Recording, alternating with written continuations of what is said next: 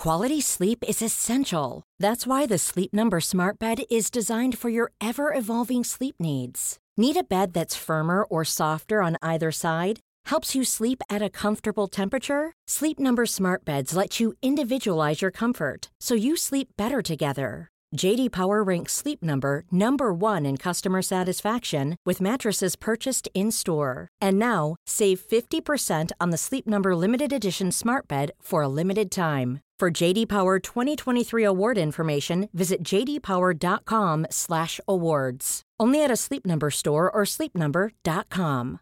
Hey, I'm Ryan Reynolds. At Mint Mobile, we like to do the opposite of what Big Wireless does. They charge you a lot, we charge you a little. So naturally, when they announced they'd be raising their prices due to inflation, we decided to deflate our prices due to not hating you. That's right. We're cutting the price of Mint Unlimited from $30 a month to just $15 a month. Give it a try at mintmobile.com slash switch. $45 upfront for three months plus taxes and fees. Promo rate for new customers for limited time. Unlimited more than 40 gigabytes per month. Slows. Full terms at mintmobile.com.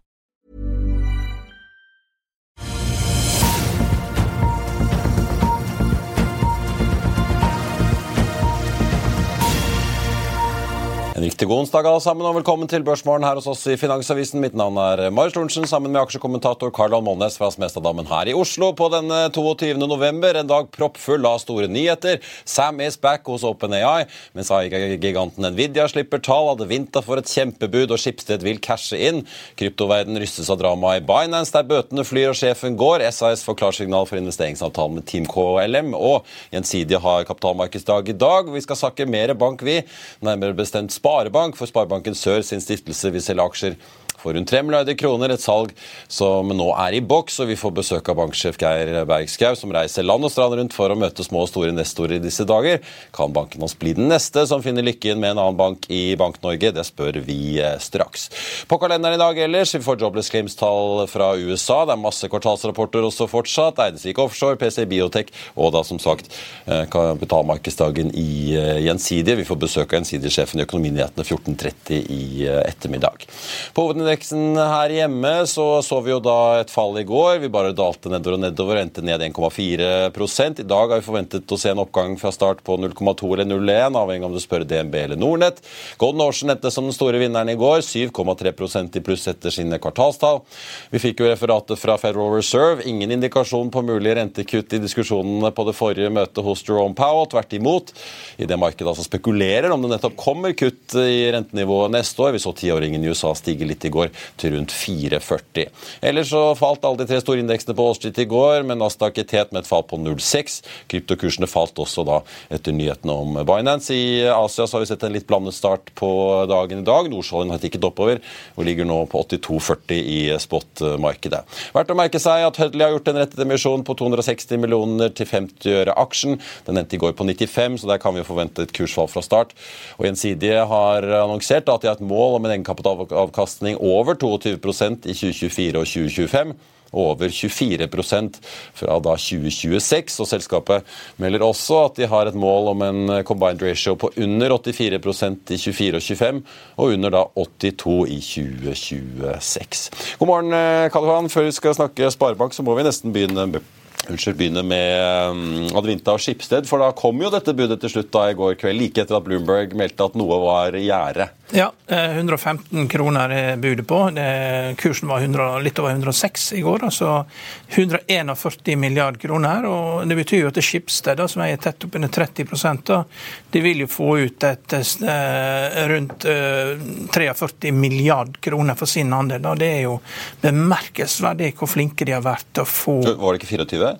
Det er det de får ut i cash. Ja, cash, ja. ja så, det er, så, vil jeg eie, så vil jeg eie 13,6% i tillegg, da. Men det er jo sant, det er utrolig uh, hvilke verdier som har blitt skapt. og Schibsted er jo den, kanskje den eneste avisen som har klart å skape store digitale verdier og tjene penger på det. det men det er klart tidene er så tøffe nå at selv private equity-selskaper har ikke råd til å kjøpe hele selskapet. De må gjøre sånn som en førstegangskjøper. De skal ha seg en Obos-leilighet. De liksom kjøper deler av det, og så leie resten resten, og så kjøper ut resten. Men for Skipsted så er jo ikke det noe problem. Her får du ut 24 milliard, de har en markedsverdi på 53 milliard kroner. Og de skal sikkert da prøve å se hvordan de da kan komme seg inn og, være med på å Viaplay, da, når du går fra sportsrettigheter går fra TV til å bli strømma, så vil jo det også bli et annonsemarked, som vi ser med Amazon, med NFL. at det er noe av pengene. Og Schibsted er veldig flinke. Det gjelder å bruke minst mulig penger. Og det er mulig Viaplay går konkurs eh, fordi at de har betalt for mye med sportsrettighetene, samme som Leo Kirsch gjorde i Østerrike. Og at det da handler om å få resten og få det over på strømming så raskt som mulig. Og eh, det er jo eh, ja, det er dyre abonnement, og, og, eh, menn over 60 som heier på Leeds United, kan liksom ikke være eneste målgruppe. Du må få de unge til å kjøpe dette her, eh, og, og strømme og selge annonser til det, så du kan utvide markedet og gjøre det mye større. og Selge Haaland til alle de unge. Da. For sånn som det er nå, så er det for dyrt av produktet. Ja. Kanskje vi får noe nytt om Viaplay-satsingen. Men bare på Adevinta, da. Jan Petter Sissene var jo her på fredag og sa at Schibsted er billig hvis eh, det kommer et bud rundt 120-130. 115 er ikke så veldig mye under, da. Men han sa jo at de hadde jo fått signaler om at det kanskje lå 100-150. Vi har jo diskutert om det skulle komme noe bud fra Blackstone og Parmira, som de gjorde. Jo, men de har jo, uh, Private Equity har jo oppdaget at det er noen som renter. Da, så, og det, har jo, det, trykker jo ned alle verdier. da. Det er jo, dette er jo, fleste av de som jobber i Private Equity, har jo, har jo hatt nullrenter i hele karrieren. De vet jo ikke hva det er. Uh, så det er klart det trykker ned verdiene. og de har ikke hatt råd til å kjøpe hele selskapet. Og heldigvis da så er Schibsted og eBay så villige at de er villige til å selge deler av dette og være med videre. Ja, for er, det, er dette egentlig et godt bud? For jeg merker meg jo øh, styret i Adevinta har jo en ganske sånn lang avhandling egentlig om hva de syns om dette budet. og altså, Schibsted og eBay støtter jo dette her, og Permira de er jo da 70 i dag. Styret skriver at øh, støtten der gjorde at det ikke var realistisk å vurdere andre alternativer, og de sier liksom at over tid så mener de at Advinta kan generere større verdier enn hva som er reflektert i denne cash-delen av bygget. Jo, det riktig. Men de sier at ok, det er en fair verdi i dag. Så det er litt sånn litt tvetydig, dette her, da? I, ja, I vinter så har du et styremedlem som har sittet der fra Permira, som ønsket å kjøpe eBay, men ble slått av, av Schibsted når de skapte Adevinta. Ja, eBay Classified, altså, Classified, ja. Og, og eh, er ikke noe ideelt private equity-case, fordi at det har for lav eh, det, liksom, det har veldig lav cash-gild. Altså, så du, du, er nødt til å rasjonalisere dette ganske kvikt og få opp gilden i en nedgangskonjunktur med fransk ledelse inn i Tyskland. Det er ikke bare så lett, dette. Altså, det er ikke noe typisk private equity-kjøp, men det kan helt sikkert gjøres bedre ved at man eh, da tar en del teknikker og ved å selge som man, bruker i Norden, som alltid ligger foran digitalt, og flytter det lenger syd. og at man da at de ser at de, de vil klare å dekke seg. Men eh, det de er liksom Ja, det er ikke noe opplagt. Det er ikke, det er ikke sånn private equity skal holde på med. Nei. Vi mister jo et stort selskap på Oslo Børs. Det Priser selskapet til 141 milliarder omtrent. En premie på litt over 50 de siste tre måneder på volumvektet pris. Ja. Så det er jo, eh, er, Feller de en tåre ned på Oslo Børs uh, i dag, tror du, når de ser at Adevinta etter all sannsynlighet er på vei ut? Jeg vet ikke. Det er, det er et selskap som uh, norske investorer ikke har blitt kjent med, tror jeg. Det er veldig få som har tradet den. og det, er, det, ser vi på våre klikk, da, at skriver du Adevinta i en overskrift, så det er veldig få som er interessert i å lese det. det er, jeg tror ikke folk fatter hva de har gått glipp av. altså. Men da ser jeg Schibsted stiger, eh, børsen er opp litt mer enn ventet, opp en halv prosent fra start her til 12,95. Eh, Schibsted stiger over 7% 2,39 i hvert fall på B-aksjen. Adevinta opp litt over 5 til 111, så ikke helt opp til budprisene. Tegn på at folk kanskje er litt avmålte her, eller? Nei, men Det er bare tidsverdien på å vente. ikke sant? Det tar jo litt tid å få dette igjennom. Det, det, er, jo ikke, det er jo ikke verdens raskeste å få ting på plass. Det, det har jo holdt på nå i år og dag, ikke sant? så det kan hende at det ikke blir i år. Og Hvorfor skal man da sitte på dette årsskiftet? For dette, dette får, får, ikke du close før årsskiftet. Nei. Så. Men altså, hvis du sitter der som småpar, er det lurt å bare selge i dag til 111-12 kroner, kanskje? Det, det, må folk vurdere sjøl. Jeg tror ikke det er så mye småsparere i aksjen. Det er eh, store institusjonelle og de, og eBay som eier dette. her. Ja. Så får vi jo se, da. Det virker i hvert fall som Schibsted har tenkt å sende mye av disse pengene til aksjonærene. så da kommer det kanskje litt Geit Ulstvedmo sa, sa jo at Adevinta var en populær aksje i London. da, så det er jo... Var, jeg hadde jo en nederlandsk kunde der borte som, som han eide bare nederlandske aksjer i europaporteføljen pluss Schibsted. Og nå får jo han en mindre grunn til å komme til Norden. Skal vi snakke litt eh, krypto før vi går til eh, reklame? For de som ikke har fått med seg, Binance-grunnlegger eh, Changpeng Sao altså sier, eh, sier, seg villig til å gå, gå, av som sjef. Da erkjenner altså skyld i at uh, de har drevet med hvitvasking, og Binance godtar altså Karl Johan en bot på 4,3 milliarder dollar. Dette var jo den store andre kryptobørsen ved siden av FTX, som jo har kollapset. Ja, internasjonalt. Og, og det, det, var ganske stort fall for stor, SAO, dette her òg. Stor pressekonferanse med Merrick Garland, og eh, hele gallionsfigurene lina opp bak dem med gjelden og eh, ja, statsadvokater opp og ned. og de har 100 000 mistenkelige transaksjoner. De har handlet med alle terrororganisasjonene i verden, og ingenting er rapportert ikke én trader blitt rapportert. Og, men kryptofolk er jo superoptimister. De ser jo det positive i alt. ikke sant? Jo, du kan jo ta dem med i alle begravelser, og de vil jo snakke om hvor fint det er. og sånn. De sier at det, det er flott vi ikke blir stengt ned. Og jeg tror det at nå er det sånn at det blir trykket stablecoins da for 4 milliarder dollar på den Teeter. slik at det, de må jo prøve å få det inn i pengesystemet, så de får betalt boten. Og I tillegg var det en personlig bot på 50 eh, millioner dollar. Men jeg, jeg tror det FTX eh, ble startet for for å slå hull på uh, Binance. Så boblen, liksom. Ja, altså det var uh, altså, altså, Binance altså, spesifikt, eller hele krypto? Binance er jo en Svær. internasjonal kryptobørs. Um, og det var også FTX. Men du har Coinbase, det er bare amerikanske kunder. Men, men uh, eh, FTX det var så dumt at det, det er nødt til å være starta av et sånn trebokstavs uh, organ, ja. organ, i USA. For det er liksom å sende folk rundt i T-skjorter og bermudashorts og, og snakke om altruisme, og du får det på alle billboards og sånn. Det skjer ikke av seg sjøl. Altså, du kommer ikke inn overalt uten at det er det du har uh, hele big state i ryggen. Altså. Så Han har tatt hull på Binance, de har kommet i grep på dem. og, og uh, nå går Binance ned. og, og uh, Nå har jo omsetningen, deres markedsandel falt fra 80 til 30% og de blir nok borte. da. Og Det er jo det som er målet for USA, det er jo å få bort krypto. Og Interessant å merke seg, da, ny sjef i Binance, Richard Teng, som altså har vært leder for Abu Dhabis finanstilsyn. Av ja. alle ting. Ja. ja. ja det... Vi får se hvordan det går. Ja. Før, vi går til uh, gjesten og reklame, si, tenkte jeg bare å nevne altså at SAS eh, meldte i går at de altså har fått godkjent investeringsavtalen. Og da ser det ut til å begynne reisen ut av chapter 11-restruktureringen i USA. Det er da den danske staten, Line Invest, Castle Lake i USA og ikke minst Air France KLM som går inn uh, som nye eiere. 13,2 milliarder svenske kroner spytter de inn i form av da drøye 5 i ny egenkapital og rundt 8 i et sikret konvertibelt lån.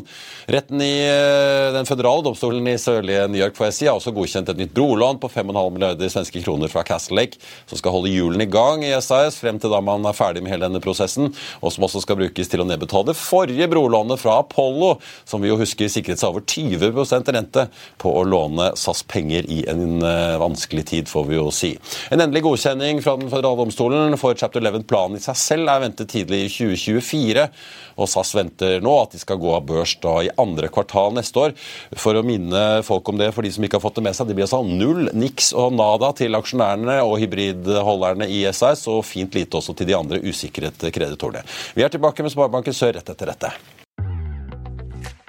Vil du bli oppdatert på det viktigste som har skjedd innen finans og næringsliv? Da er det bare å følge med, for hver morgen er jeg, Marius Lorentzen og aksjekommentator Karl Johan Målnes på plass i studio for å ta tempen på dagens marked i Børsmorgen. Og hver ettermiddag oppsummerer vi alt du trenger å vite i økonominyhetene, og det blir selvfølgelig masse interessante gjester.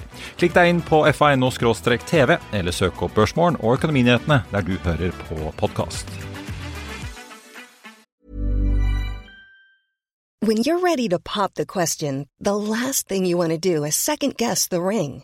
At Bluenile.com, you can design a one of a kind ring with the ease and convenience of shopping online. Choose your diamond and setting. When you find the one, you'll get it delivered right to your door. Go to Bluenile.com and use promo code LISTEN to get $50 off your purchase of $500 or more. That's code LISTEN at Bluenile.com for $50 off your purchase. Bluenile.com code LISTEN.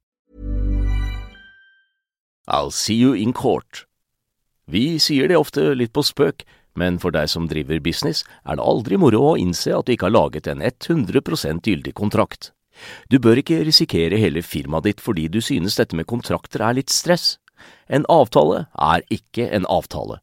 Du kan miste kunder, miste venner, ja, til og med miste inntekter om du ikke lager en skikkelig kontrakt, på alt mulig, egentlig.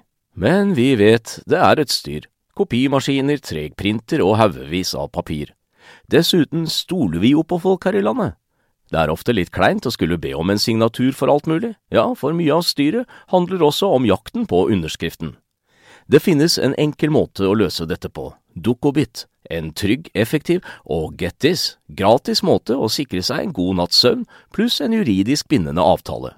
Dukkobit-appen har de strengeste sikkerhetskrav i bunn, samt en EU-godkjent og sertifisert teknologi. Framover vil det bli behagelig å spørre du, skal vi skrive under på det, eller? Kom i gang på dukkobit.no.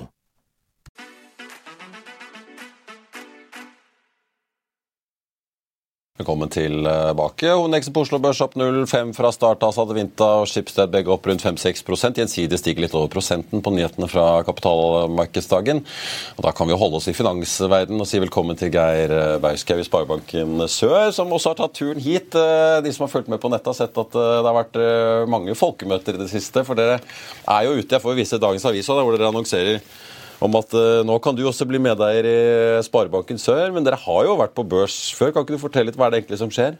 Altså Nå, nå har vi jo øh faktisk halvannet år siden så gjorde vi en endring i bankens kapitalstruktur, hvor vi konverterte en god del av det såkalte grunnfondet til børskapital, altså egenkapitalbevis, og overførte det til Sparebankstiftelsen Sparebanken Sør. Uh, og så var jo tanken i juni 2022 at stiftelsen skulle selge seg ned. Eh, da økte Fed eh, renten med, med en trippelheving, eh, og finansmarkedene gikk litt i dvale. Kom et litt sånn rykk? Ja. Det kom et rykk i, i, gal retning, så dette ble utsatt da. Nå er stiftelsen tilbake med en ambisjon om å selge seg ned fra i dag 82% ca. av egenkapitalbevisene til inntil ned til da 25% Så det er en betydelig andel, rundt 3 milliarder i verdi, som skal selges ned i et da styrt nedsalg, som vi er midt inne i for øyeblikket. Ja, for Det kommer jo melding eh, nå skal jo det formelle på plass, da, om at det ser ut som boken er dekket, og at alle disse tre milliardene omtrent i aksjer er, eh, har funnet seg en kjøper. kjøper. Det virker jo som det gikk ganske fort unna. Hva, hva hadde dere egentlig forventet i forkant? Nei, vi, vi, hadde jo forventet en, en overtegning, faktisk. Altså, dette opplever jeg en veldig interessant transaksjon. Eh, vi har jo vært, og jeg har vært på veien i, i fire-fem uker nå med masse internasjonale store investorer, eh, også mye norske. Det er veldig høy interesse for dette. Og nå er vi jo midt i, midt i en prosess med såkalte folkemøter med småsparere som også har anledning eh, til å ta del i denne transaksjonen gjennom en egen retail-transaksjon eller transe i dette. Så, så, her tror vi at altså Tegningsperioden er jo ikke ferdig, så vi vi opplever at interessen er, er, fortsatt stor, og det er fullt mulig å, å tegne seg i de neste dagene. Dere har kopiert litt av det som Gjensidige og Sparebanken Vest gjorde med bonusaksjer. Da. Så det er, hvis du kjøper for hver 100 aksjer, aksjer, så får du fem aksjer i bonus om 12 måneder og fem aksjer til om 24 måneder. Ja. Hvor mye må man kjøpe for å få en sånn bonus? Eh, gjelder det alle, selv minstetegningen? Altså det, det, ligger i, i, i, den transjen, da, den såkalte retail-transjen, at du, kan, du må tegne for eh, fra eh, rundt 10 000 opp til 2,5 eh, million. Og Da vil du jo da innenfor dette kunne få bonusaksjer for, for det du tegner, eller det du får tildelt opp til en halv million. Og da vil du kunne få men det er 10% altså, bonus løpende? Liksom, eller? Ja. Nei, det er 10% Du får utdelt bonusaksjer først 5% av summen du tegner for i, i år én, altså etter 12 måneder, og så 5 til i, etter 24 måneder. Ja, hvis de står på samme VPS-konto, så du kan ikke flytte de. Ja. Nei, og, og, da må du jo holde disse bevisene også i den perioden for å få det tildelt. Uh, ja, Med prisingen her, da. Det har jo vært signalisert 117-129 eh, kroner. Er den satt nå? Den er ikke satt ennå. Den blir satt i helt ved enden av, altså slutten av da, tegningsperioden, uh, som vil være nå på mandag. er jo det altså rett over helgen. Ja. Så da blir den endelige prisen satt, men dette er jo en slags bookbuilding-prosess hvor, hvor, hvor da vi nå har sett at vi får en ganske stor bok, og så vil prisen settes på slutten av tegningsperioden. Men Hva var grunnen til at man opprinnelig gjorde endringen i eh, kapitalstrukturen? Altså, først og fremst var det jo fordi vi som sparebank hadde en, eh, bare en, en egenkapitalbrøk på 15 eh, Det gjorde det vanskelig med, med, utdeling. Det ble fort vekk skjevdeling. Det er utfordringer med likedeling av eierklassene. Vi så også at det var behov for å øke den børsnoterte kapitalen. Til minst 40% som vi da gjorde for å gjøre dette interessant nok. Og det som nå gjenstår i forhold til nedsalget fra stiftelsen, er jo også å få større fri flyt. For så lenge stiftelsen hittil har sittet med 80% så blir det jo like lite likviditet i papiret. Det eh, satser vi nå på at eh, gjennom stiftelsens nedsalg at det blir betydelig forbedret. Og Så blir jo også stiftelsen på den måten en veldig solid, sterk, langsiktig investor i banken. Det er jo hovedformålet ved, ved stiftelsen. Ja, For de blir sittende med minst en fjerdedel minst eierskapet fortsatt? Ja. ja, minst 25% Og er det fortsatt uh, kan, Hvis man investerer i banken, da, kan man vente fortsatt at rundt halvparten av resultatet går ut utbytter, eller? Ja, vi har, jo 50% som mål. Ja, absolutt. Vi har satt det som en uh, langsiktig mål, minst 50% og det, det er klart at det, det, det, bør være mulig. Og så er jo oppsiden der òg, eh, hvis kapitalsituasjonen tilsier det det, prisingen av disse egenkapitalbevisene ligger jo litt, lagt, lagt en linje da, der at de som har høy egenkapitalavkastning, har høy prisbok. og Dere har jo lagt i den nedre enden der, men eh, prisen på aksjen reflekterer jo det at dere har hatt litt av det. Har du måttet love investorene at du skal løfte avkastningen med en prosent i egenkapital, eller hva er det du har gjort for å få folk til å tegne? For det, det er jo fulltegna, så det er jo et luksusproblem. Så hva er det du har sagt, hva er det du sier på roadshowet? Hva er pitchen, hva er det som får de til å tegne? Ja, altså vi, vi, Det er mange flere pitch på råshowet. Um, men det vi opplever investorene og analytikerne liker, det er jo soliditeten i banken. Det er en, det er en høy og solid egenkapital, veldig lav risiko i låneboka. Det er en veldig høy kostnadseffektivitet. Vi er jo blant de mest kostnadseffektive bankene i Norge og Norden. Det er jo en veldig god forbedring i egenkapitalavkastningen nå de, de, siste kvartalene.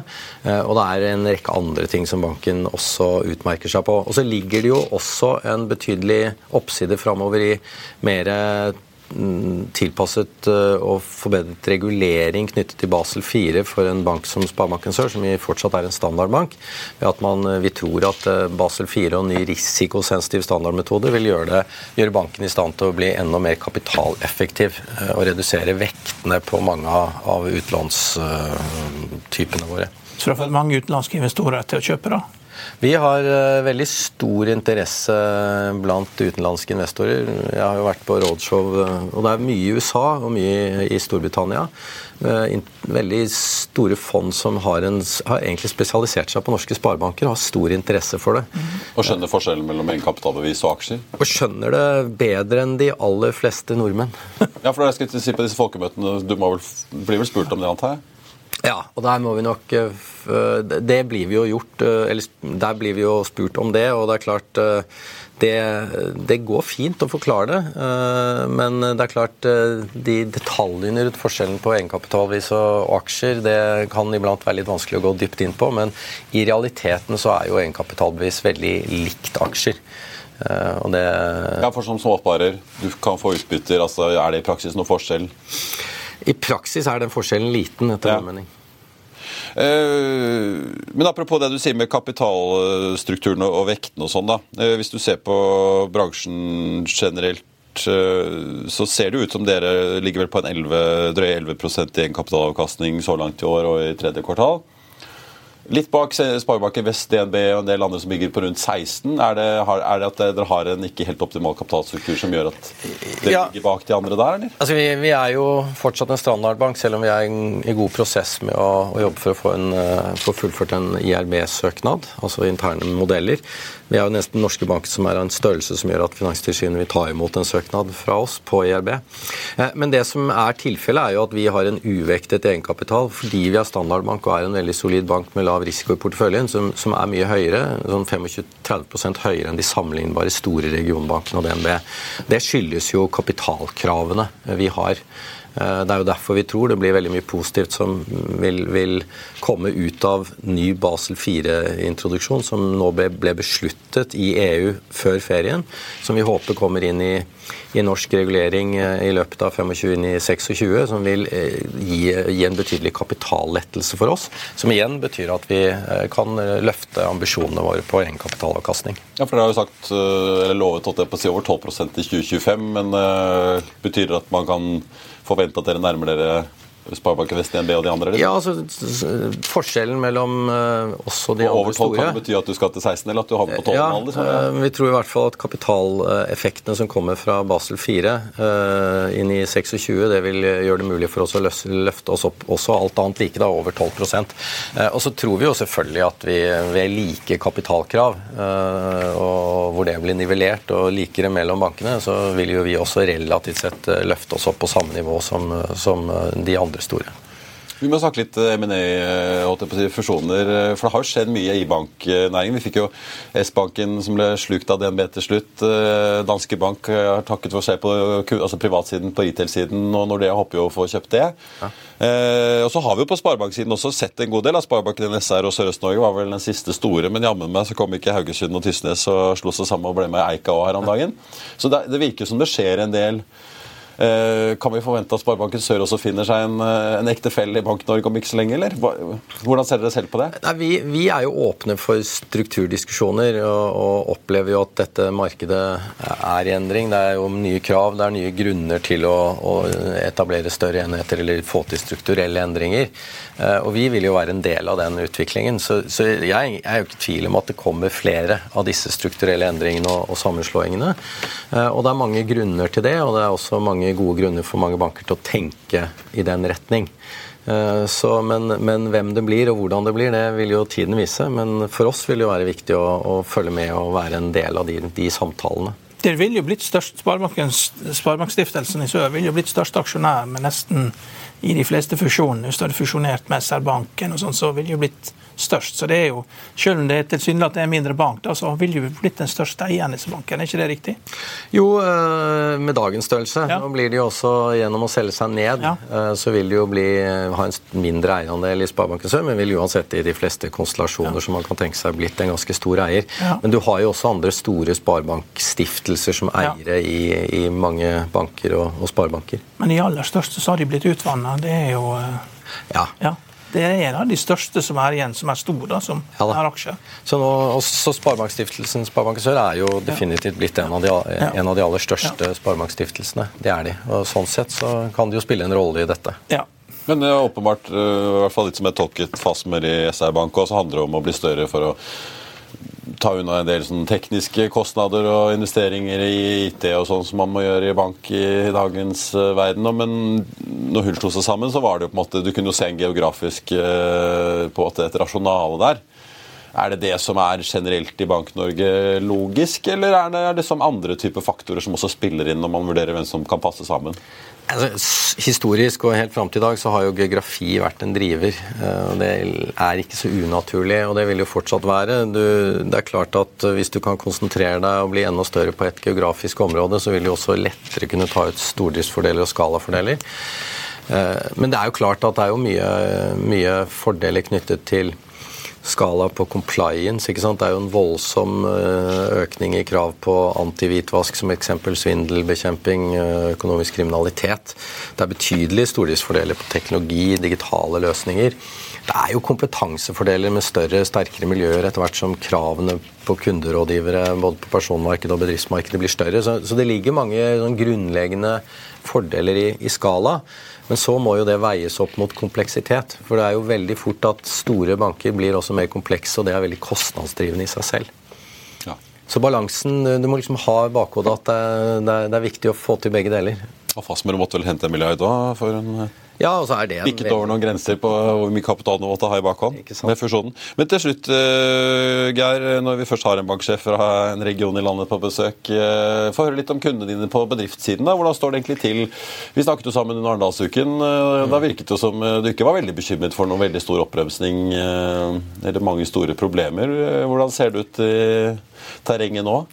Ja, det, jeg var vel ikke veldig bekymret. Det er riktig, så var jeg jo litt bekymret. Ikke bekymret, men jeg så i hvert fall for meg at du fikk en utflating, en reduksjon i, i nybyggtakten. Eh, litt større utfordringer for entreprenørene. altså I det hele tatt veksten i Særlig i, innenfor bolig og eiendom. Eh, på entreprenørsiden så vi jo for oss ville gå ned, og det har den jo gjort. Og det er jo en god del prosjekter De som er halvgode, liksom, de, de som ikke er de beste, de blir veldig fort forskjøvet og utsatt, mens de beste kjøres. Jeg tror jo, altså Vi ser jo en, en utflating av aktivitet.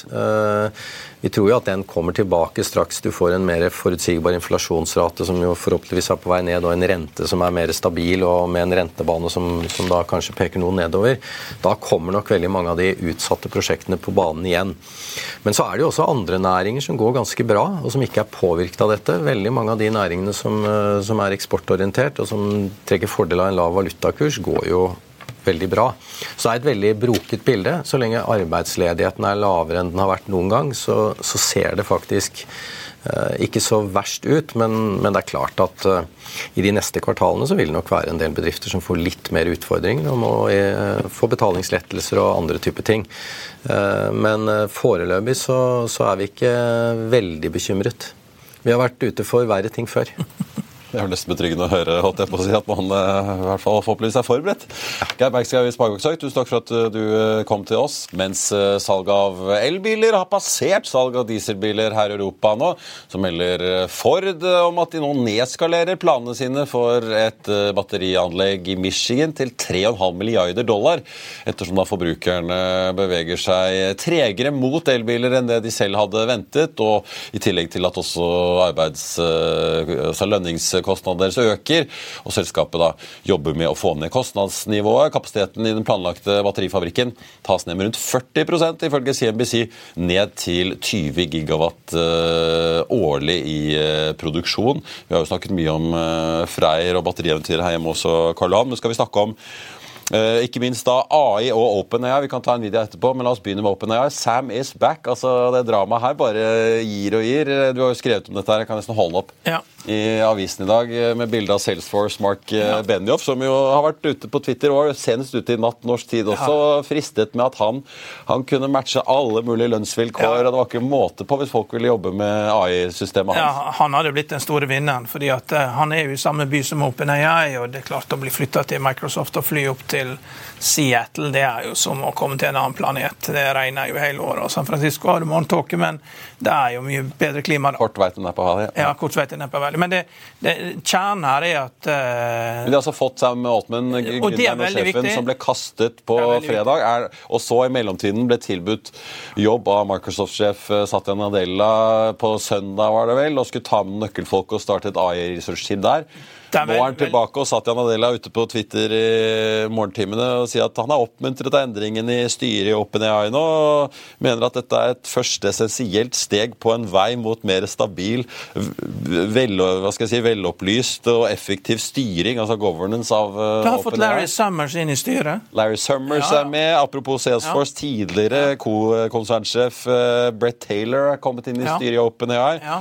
Og uh, han var jo medskaper av Google Maps Apps har vært i ja. Facebook, Larry Summers, tidligere finansminister under Clinton, og Adam D'Angelo han er fortsatt med, da, tidligere Facebook-topp. Han er vel den eneste som fortsatt overlevde, altså overlevde av det gamle styret? Ja, Det, det er veldig spesielt, da, eh, dette her. fordi at nå, nå eh, OpenAI er jo et for profit-selskap som har vært under eh, non-profit-selskaper. Du har en sånn, sånn eh, tre lag med selskaper over deg som driver og passer på deg. Sparebankstiftelse, du har hatt en sånn slags sånn derre eh... Ja, og, og ja, og så har Det er ingen som helt vet hvorfor han fikk sparken, og det er mye, mye spøk om dette, her, men det kan jo godt hende det er noe alvor som vi ikke vet om i det hele tatt. Eh, men, men i, hovedsak da, så må du ha advokater inn her, og så må du bygge en gyllen bro, slik at de non-profit-organisasjonene Eh, kommer eh, på siden av at de ikke har direkte styringsrett overfor profit. fordi det, her har jo det blitt investert 13 eh, milliarder dollar. og, og han er jo, Sam har jo nok vært i Midtøsten og driver jo og leter etter funding for å starte chipfabrikk for å konkurrere med Nvidia. Så det er så stort dette her at du kan ikke liksom Du kan ikke la bibliotekarene styre Netflix. da, ikke sant? Det må, det må bli kommersielle beslutninger beslutninger. Nå har du fått inn advokater her nå, og, nå, eh, og de kommer til å bli helter. For dette her gjelder det å prate og få folk til å skjønne det at eh, det, det er det kommersielle. altså USA er et land som har styrt kapitalisme, og at det, eh, det, er sånne, det, er sånne, beslutninger som må tas her. Fordi at i, i bunnen da, så ligger jo dette her at du skal jo få vekst i kunstig intelligens. da, og Noe av det man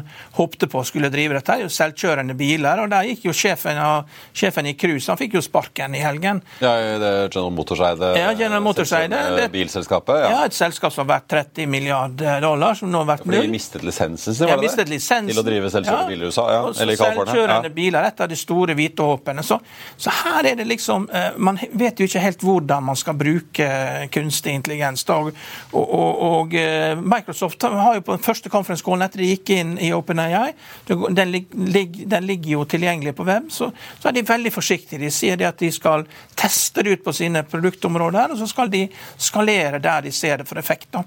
Men, men eh, der, der, det kan få effekt Jeg så f.eks. når jeg eh, skrev en analyse her at Accenture for eksempel, de har jo ni, fått 900 000 ansatte.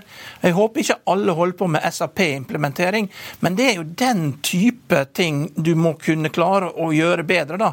Og liksom noe som er bedre enn SMP, og ikke sørge for at noen av de flinkeste personene i verden ender opp som konsulenter i Accenture og driver og slåss med å implementere SAP rundt omkring i stadig flere industrier og underindustrier. Så det er eh, ja, så, så, Det er ganske komplisert dette her å få det til å starte. Og også bare det at uh, OpenAI har måttet gå til Seattle og gjøre en avtale med Microsoft. altså Microsoft har vært i Evil Empire. Uh, det er, de har ødelagt Jammen meg klarer de å holde seg relevante. Nå ruller ja. de jo ut co-pilotene. Jeg inviterte, har for så vidt invitert eh, for å ja. se om de stiller opp Aker BP. En av de få i Norge som faktisk nå tester ja. co-piloten. Det er jo ikke blitt lansert i Europa engang offisielt. De er i gang med å teste det, men de Microsoft har jo stilt opp med mange, hva er det, 13 milliarder i, ja. som de da kan trekke fra OpenAI når de bruker uh, Asher-skyen til Microsoft, for det krever jo enorm datakraft og energi, ja. alle disse AI-systemene. Ja. Men det, det, betyr jo at eh, sant, Google har sagt nei, og Salesforce har sagt, egentlig sagt nei til å bli store på dette. Til å begynne med Oracle har sagt nei, og Amazon har sagt nei. altså uh, Microsoft er den store liksom, 3 trillion dollar market capen som ingen av de små har uh, hatt lyst til å leke med, fordi at uh, de bare spiser dem. Og, og han, uh, konsernsjefen i Microsoft han jo, liksom, han jo, Hans bakgrunn er jo at han har jo vært instruktør på Excel og, og slått seg opp at han red bølgen på å implementere skytjenester og liksom geniale ting som øker avskrivningstiden på serveren og sånne ting som så, booster resultatene. Jeg tror det har vært veldig lett å styre i Microsoft. og da kan det være lett at du kommer inn i sånne situasjoner som er ganske kompliserte. Altså, dette, dette, er, noe av det vanskeligste du gjør i verden. det er liksom Kombinere for profit og non-profit-organisasjoner. Det er kjempevanskelig, altså. Men Adela klarte jo kunststykket, og det kunne blitt en Han, han, ja. han sto jo på Bloomberg og CBC natt til mandag, eller hva det ja. var. Eller, nei, unnskyld. Ja, det var vel natt, ja, natt til tirsdag. Ja.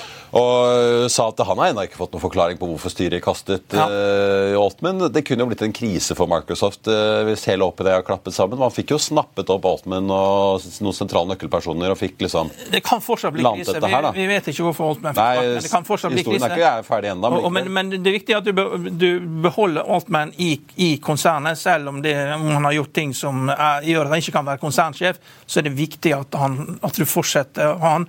Men det er alltid et problem når du har har visjonære folk. så liksom Når the rubber meets the road, og du skal begynne å implementere ting, du går fra drøm til virkelighet, og så oppdager du det at det, det er ikke noen endeetterspørsel her. Uh, no end demand, liksom. Så, så og, og, Det er jo derfor man må dra da, for å finne funding for å, å, å bygge egen chip, for vi kan se at det er dyrt, som da, liksom Nvidia, da, ikke sant?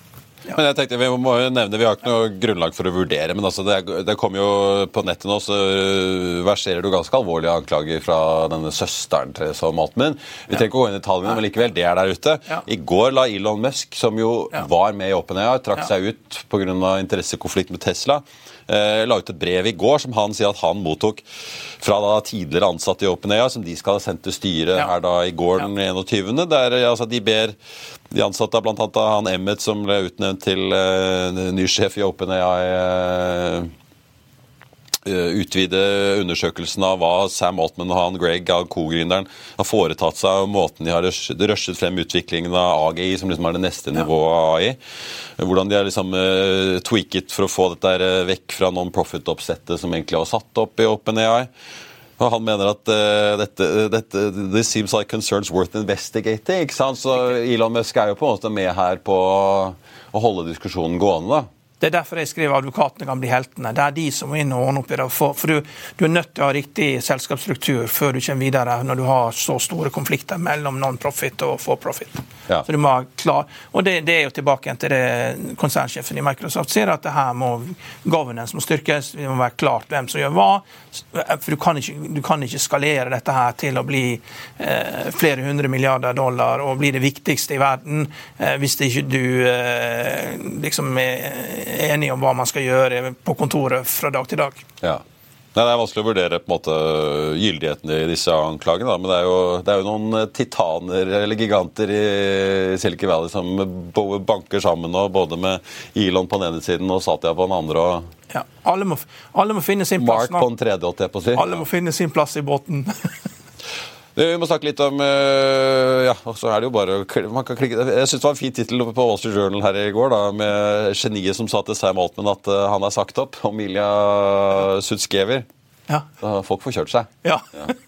Microsoft falt for øvrig 1,2 i går, da, ned fra den toppnoteringen vi så på mandag. Men vi må på tappen snakke om uh, Nvidia. da, Aksjen falt jo uh, en snau prosent i går, fortsatte ned halvannen omtrent i etterhandelen. Eh, store tall, kraftig vekst får vi si på brikkeprodusenten. Eh, altså Inntektene steg 206 ja. opp til 18,1 eh, milliarder dollar. I kvartalet ventet 16,2. De guider 20 milliarder i fjerde kvartal. Det var ventet da 18 ja, men det, det var, det var Jensen og Huang ligger jo foran veksttakten på estimat eh, sammenlignet med konsensus her, da. Men Byside hadde, hadde, riktig på konsensus både på sales og på guidance. da, Og det viser jo aksjekursen også. Det, for det er, jo, det er jo pengene som styrer kursen, det er ikke analytikerne. og Analytikerne har jo løpt etter hele veien her. og, og eh, det, det, viktige er jo at man må fortsette å handle denne teknisk. Og, og, men, men, hvis man ser på tallene, da, så er jo liksom inn inventory er unchanged, fra 4,4 til 4,8 milliard. Mens account receivables er jo opp med 4,5 milliard dollar. Det er ikke bra. Og så en annen ting da, som tyder på at det her er noe sånn muffins, det er jo det at eh, royalties er ned da, til 369 millioner mot 393 i forrige kvartal. da, mm. På tross av at salget er opp med 85% og sales commissions opp. For det er masse royalties til, til chips. da, så det, det, er mye som ikke er helt uh, så det skal være med Nvidia. Og, uh, og så er det jo hele til Kina. Nå har de jo lansert en ny chip, GH200, men de sliter jo med alle disse restriksjonene som amerikanske myndigheter legger på hele sektoren for teknologieksport til Kina. Så snakker de om at de kommer til å få en negativ effekt i kommende kvartaler grunnet disse Kina-restriksjonene på eksport og til andre land. Men finansdirektøren sier at uh, vekst i andre regioner sitat, da vil mer enn oppveie for dette betydelige fallet ja. til Kina og disse andre landene som er rammet av restriksjonene. Problemet er at Prøver de, de å bransjlukke litt bekymringer her, eller? Problem, problemet er at de er veldig sterke og har egentlig ingen konkurrenter akkurat nå, da. Men konkurransen kommer jo stormende på da fra alle kanter. Men eh, når du har omtrent monopol og du har liksom 75 eh, margin, så kan man ikke bare se på PE-tall og at det liksom Selv om at de ligger litt foran med, med, med rapporteringen, at du får en lav PE, så er det price sales liksom på, på 15. Det, er, eh, det kan liksom det, Dette her kommer til å gå ned, altså. Det er bare et spørsmål om, om, tid. Når du da blir angrepet av at ja, det er klart, kineserne kommer jo til å, å bruke Huawei til å lage egne chipper, som, som ikke nødvendigvis bør være like gode, men det er klart når, når eh, Nvidia ikke klarer å få eh, solgt, eh, solgt seg inn til Kina, så må jo Kina gjøre noe annet. Og Da mister jo Nvidia 20-25% av markedet sitt. ARM kom med en chip som var dobbelt så sterk i, i kapasitet som Nvidia. Da svarte bare Nvidia med å lansere en ny chip da, som var like stor som, som Er det sånn treen som bare har ting liggende ja, i skuffen med en gang konkurrentene ja. kommer nå, så plukker de opp neste kommer, Ja. Her kommer det masse konkurranse, men problemet da er det noen sluttetterspørsel etter kunstig intelligens. Og den er ikke der ennå. Det er det som er problemet. Du må, du må finne på noe stort. ikke sant? Jagerfly. Det ser ikke ut som at vi trenger så mye av denne krigen her. Eh, selvkjørende biler er ikke i ferd med å komme. Eh, det er mye mer, det er mye mer sånn Det som frigjør folk, liksom. Kan du gjøre noe som frigjør disse her én eh, million menneskene som slaver for Accenture med å implementere SAP? så det er jo purpose. altså det Å bruke så mange flinke folk til å gjøre sånne enkle ting og overbevise ting, overvise ting om at man Digitalisering, altså du, du krever eh, Der du frigjør folk, det er der det kunstig intelligens har størst verdi. da. For får du produktivitetsgevinster, og det er veldig viktig for økonomien. Men hittil så er det verken salg eller produktivitetsgevinster fra kunstig intelligens. Får vi se hva Satya Nadella og co-piloten lykkes med. Ja. Men uh, det er i hvert fall de, de har vel begynt å designe egne brikker, har de ikke det? Ja. Jo. Men AMD det, kommer, men det, er, regner... det er langt opp og fram, ikke sant? Ja da. Og AMD guider 2 milliarder dollar i 2024. Ja. Mens. Nvidia selger altså brikker for nesten 15 per kvartal nå. Så det er jo Nei, altså de, de er alene nå. Lisa Suoko har litt å ta igjen, men, men, de kommer nok med Men det er ikke hjelp hvis det ikke er sluttetterspørsel, og ikke hjelper at du har hele, hele markedet. For da stopper det likevel. Det, og det er klart, Her har det vært en ramp-up til å få ting inn i Kina. Eh, og det er jo sikkert derfor at du har ja, Her er en del ting som eh, ser ut som en eh, boom-bust-cycle. Og, ja, og det er jo ofte noe så enkelt som renteøkninger og nedgangskonjunktur som styrer kursen. Men teknisk analyse gjør folk lykkelige. og, og det var, var forventet at aksjen skulle gå opp, opp eller ned med 7 endte flatt. da, Så marketmakerne ble jo rike i går igjen. da. Vi får ringe Investec og be om noen gode råd. Ja. Uh, på tappen av sendingen tenkte jeg bare å nevne at hovedveksten fortsatt ligger opp en halv eh, prosent i dag. Hadde Vinta opp 4,9 til 111,30, med da bud fra Blackstone og Permira på 115. Skipsted-aksjen stiger litt over 6% Gjensidige har krøpet stadig oppover etter nyhetene fra kapitalmarkedsdagen. Ligger nå opp 2,4 Sparebanken Sør, som vi snakket om, ligger da på 124 kroner, opp 0,4 i eh, dag. Hadde Vinta mest omsatte aksjen med god margin. Ellers får også nevne Stad eh, Torsk, som eh, varsler om en eh, emisjon i datterselskap, opp 68% så langt i dag. SEB kutter kursmålet på Bård Drilling for øvrig, med en tikroning ned til 75, men gjentar sin kjøpsanbefaling. Fearnley kuttet kursmålet i går. Aksjen falt da litt over 5 i går til 65,50. Og så På FA.no kan du lese om Solstad Offshore. Der en småaksjonær mener at refinansieringen favoriserer Røkkeeide Aker og klager til Finanstilsynet. Brøndmo, eh, som det er snakk om, var sentral i aksjonæropprøret i Doff også. Også her kjempet han for en mer eh, rettferdig fordeling av verdiene i selskapet og likebehandling av aksjonærene. Så får vi se hvordan saken utvikler seg eh, videre. Nordsjålen ligger på 82,39 nå, så vidt i pluss. Det var børsmålen for den onsdag 22.11. Husk å få med deg da Økonominyhetene 14.30. Da får vi besøk av Geir Holmgren, konsernsjefen i Gjensidige. I mellomtiden så får du siste nytt på FA1 gjennom hele dagen. Ha en riktig god onsdag alle sammen. Vi ses.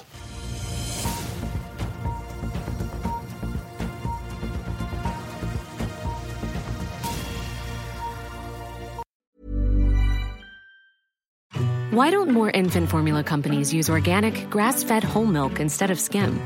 Why don't more infant formula companies use the latest breast milk science? Why don't more infant formula companies run their own clinical trials? Why don't more infant formula companies use more of the proteins found in breast milk? Why don't more infant formula companies have their own factories instead of outsourcing their manufacturing? We wondered the same thing. So we made ByHeart, a better formula for formula. Learn more at byheart.com. When you need mealtime inspiration, it's worth shopping Kroger, where you'll find over 30,000 mouthwatering choices that excite your inner foodie. And no matter what tasty choice you make, you'll enjoy our everyday low prices, plus extra ways to save, like digital coupons worth over $600 each week. You can also save up to $1 off per gallon at the pump with fuel points. More savings and more inspiring flavors make shopping Kroger worth it every time. Kroger, fresh for everyone. Fuel restrictions apply. Økonominyhetene er en podkast fra Finansavisen. Programledere er Marius Lorentzen, Stein Ove Haugen og Benedikte Storm Bamvik. Produsenter er Lars Brenden Skram og Bashar Johar. Og ansvarlig redaktør er Trygve Hegnar.